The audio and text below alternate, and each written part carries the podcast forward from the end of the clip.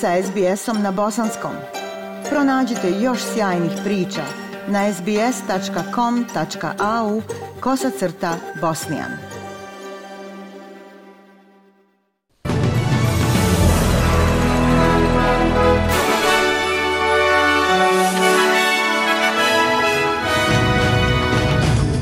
U današnjim vijestima poslušajte. Prijetnja od poplava i dalje se nastavlja u Novom Južnom Velsu.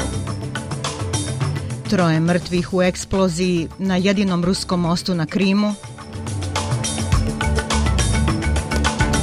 I u sportu Nikita Cu nastavlja porodično nasljeđe i utvrđuje nepobjediv bokserski rekord u Newcastle. Slušate vijesti SBS radija na bosanskom jeziku. Upozorenje o poplavama i dalje raste širom Novog Južnog Velsa. Na snazi je nekih 89 upozorenja s kamperima u rezervatu na rijeci Marambidži u Vaga Vaga i Dubos Western Plains Tourist Park na rijeci Macquarie kojima je jutro savjetovano da se evakuišu. Jaka kiša u dijelovima jugoistočne obale Australije izazvala je iznenadne poplave i zatvaranje puteva. Velike poplave se i dalje dešavaju nizvodno na rijeci Makvari u Warrenu. Povjerenica državne službe za vanredne situacije Novog Južnog Velsa, Karlin York, kaže da će rizik od poplava ostati povišen tokom ove sezone oluja. Uh, Važno je zapamtiti da će kiše proći, da će sunce doći, ali rijeke i dalje rastu, tako da će voda koja nadolazi ući u niz područja, a postoji nekoliko kritičnih tačaka i sutra, u ponedjeljak. Dakle, rizik ne nestaje samo zato što je lijepo vrijeme.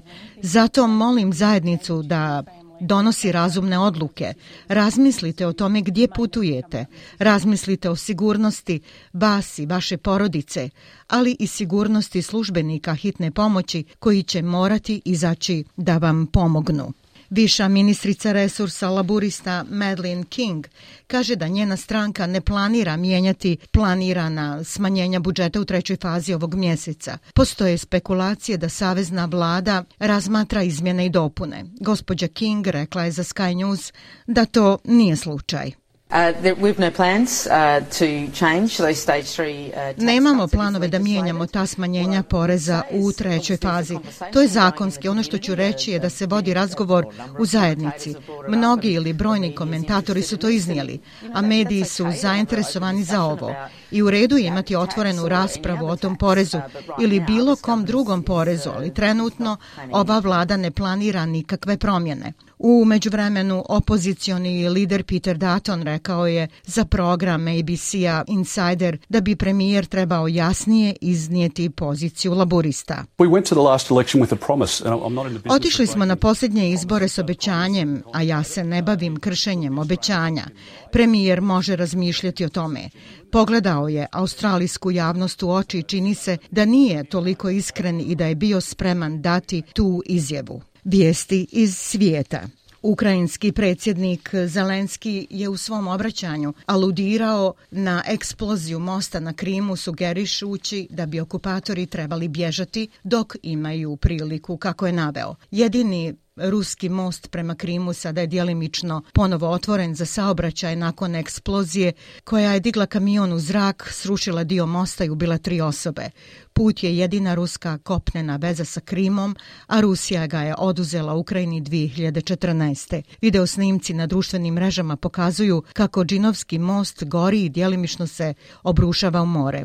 Zelenski je počeo razgovorom o toplom sunčanom vremenu u Ukrajini prije nego što je rekao da je, navodimo na Krimu, nažalost bilo oblačno. Danas je bio pretežno sunčan dan na teritoriji naše države. Na velikom području, oko 20 stepeni, toplo i sunčano. Nažalost, na Krimu je bilo oblačno. Ali koliko god oblačno bilo, Ukrajinci znaju šta rade i znaju da je naša budućnost sunčana. Ovo je budućnost bez okupatora. Na cijeloj našoj teritoriji, a posebno na Krimu, ako okupatori pobjegnu dok imaju šanse, to će im biti najbolja opcija. Zamjenik ruskog premijera Marat Kušnulin posjetio je Kerčki most nakon eksplozije. Državna televizija je prikazala njegov snimak na građevini kako sa drugim zvaničnicima razgovara o popravkama. Tomorrow in the Sutra ujutro planiramo pokrenuti saobraćaj. Sutra u toku dana krećemo sa saobraćajem u dvije trake. Radimo instrumentalno snimanje, dogovorili smo obim sanacije i restauracije druge trake. Japan je osudio sjevernokorejsko lansiranje lanciranje dvije balističke rakete kratkog dometa. To je sedmo takvo lansiranje od strane Sjeverne Koreje od 25. septembra. Prva raketa je lansirana jutro su 1.47 po lokalnom vremenu, a druga 6 minuta kasnije. Obje su bile izvan japanske ekskluzivne ekonomske zone. Japanski ministar odbrane Toshiro Ino kaže da su u toku istrage o tome kakve su rakete lansirane uz mogućnost da su one mogle biti lansirane s podmornice. Od kraja septembra u ovom kratkom vremenskom periodu sedam puta su ispalili projektile eskalirajući njene direktne provokativne akcije. Ove akcije Sjeverne Koreje predstavljaju prijetnju miru i sigurnosti naše zemlje, regiona i međunarodne zajednice i to se apsolutno ne može tolerisati. Pristalice osnivača Wikileaksa Juliana Assangea formirale su ljudski lanac ispred britanskog parlamenta u zahtjevu da se prekine pokušaj Sjedinjenih država da ga izruče kako bi se suočio s krivičnim prijavama. Stotine demonstranata, uključujući Jeremina Korbina, bivšeg vođu opozicione laborističke partije Ujedinjenog kraljevstva, okupilo se u redu koji se protezao od ograde parlamenta, vijugao preko obližnjeg Besminsterskog mosta do druge strane rijeke Temze. Stella Assange, koja je udata za aktivistu rođenog u Australiji, bila je tamo i rekla da bi britanska vlada trebala razgovarati s američkim vlastima kako bi prekinula ponudu za izručenje. Cast a, a very dark shadow over the British Ovo baca veoma mračnu sjenu na britansku vladu da ovo nije zaustavila. Britanska vlada bi trebala razgovarati sa svojim kolegama u Sjedinjenim državama kako bi ovu stvar dovela do kraja. Odmah. To traje već tri i po godine. To je mrlja u Ujedinjenom kraljevstvu. To je mrlja u Bajdenovoj administraciji.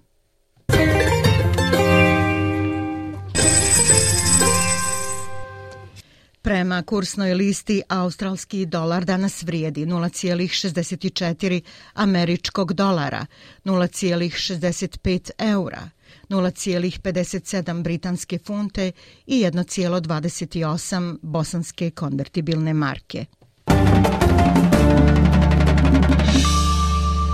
Vijesti sporta Nikita Cu produžio je nepobjedivi rekord svoje poznate bokserske porodice u Newcastlu. 24-godišnji super poluteškaš iz Sidneja pobjedio jučer prethodno neporaženog Darkona Drajdena u kasnim fazama treće runde u Newcastlu Entertainment centru.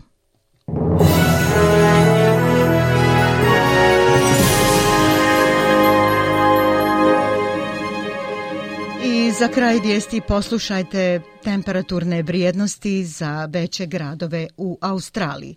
U Pertu je oblačno 22, u Adelaidu 17, u Melbourneu 15, u Hobartu 14, u Kamberi pljuskovi 15, u Sidneju 17, u Brisbaneu pljuskovi također 25, a u Darwinu također pljuskovi, ali uz 34 stepena Celzijusa. Bile su ovo vijesti SBS radija na bosanskom jeziku. Ja sam Aisha Hadži Ahmetović. Ostanite i dalje s nama.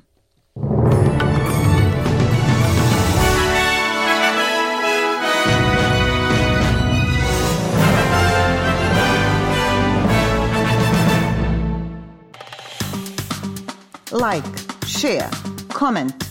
Pratite SBS Bosnian na Facebooku.